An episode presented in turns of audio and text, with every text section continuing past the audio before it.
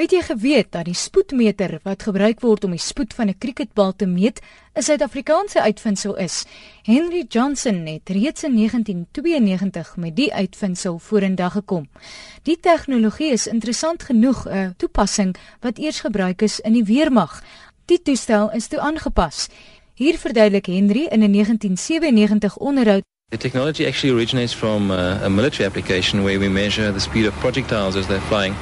And uh, those systems are accurate to within 0.03% of the actual speed.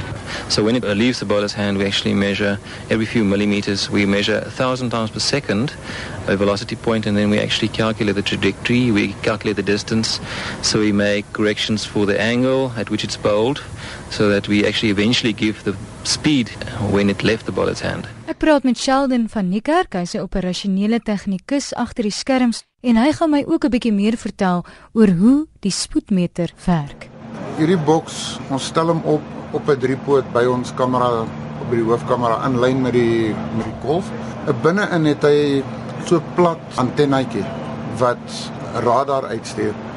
Die radar sein word gestuur na die veld toe in die rigting van waar die bal is en dan weer kaats daai radar terug Hy weerkaats basies alles wat op die veld is, die spelers, die paaltjies en die bal self.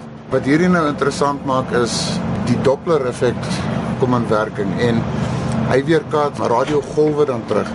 Maar omdat die bal beweeg, weerkaats hy hom teen 'n ander frekwensie.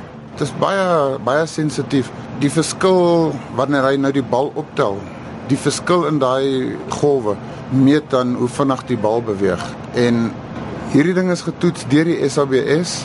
So wat is die spoed wat op die einde van die dag vir die luisteraar weergegee word? Die spoed wat die bal gebal word van die oomblik wat die bal die hand verlaat, daai spoed.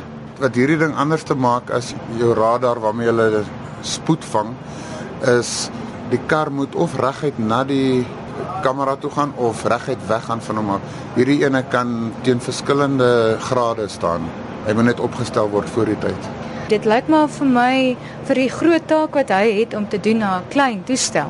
En dan het jy 'n skroewe hier in om 'n bietjie te kan stel. Jy het 'n klein teleskoopie voor wat jy net min of meer die rigting kan kry, die middel van die pitch kan kry.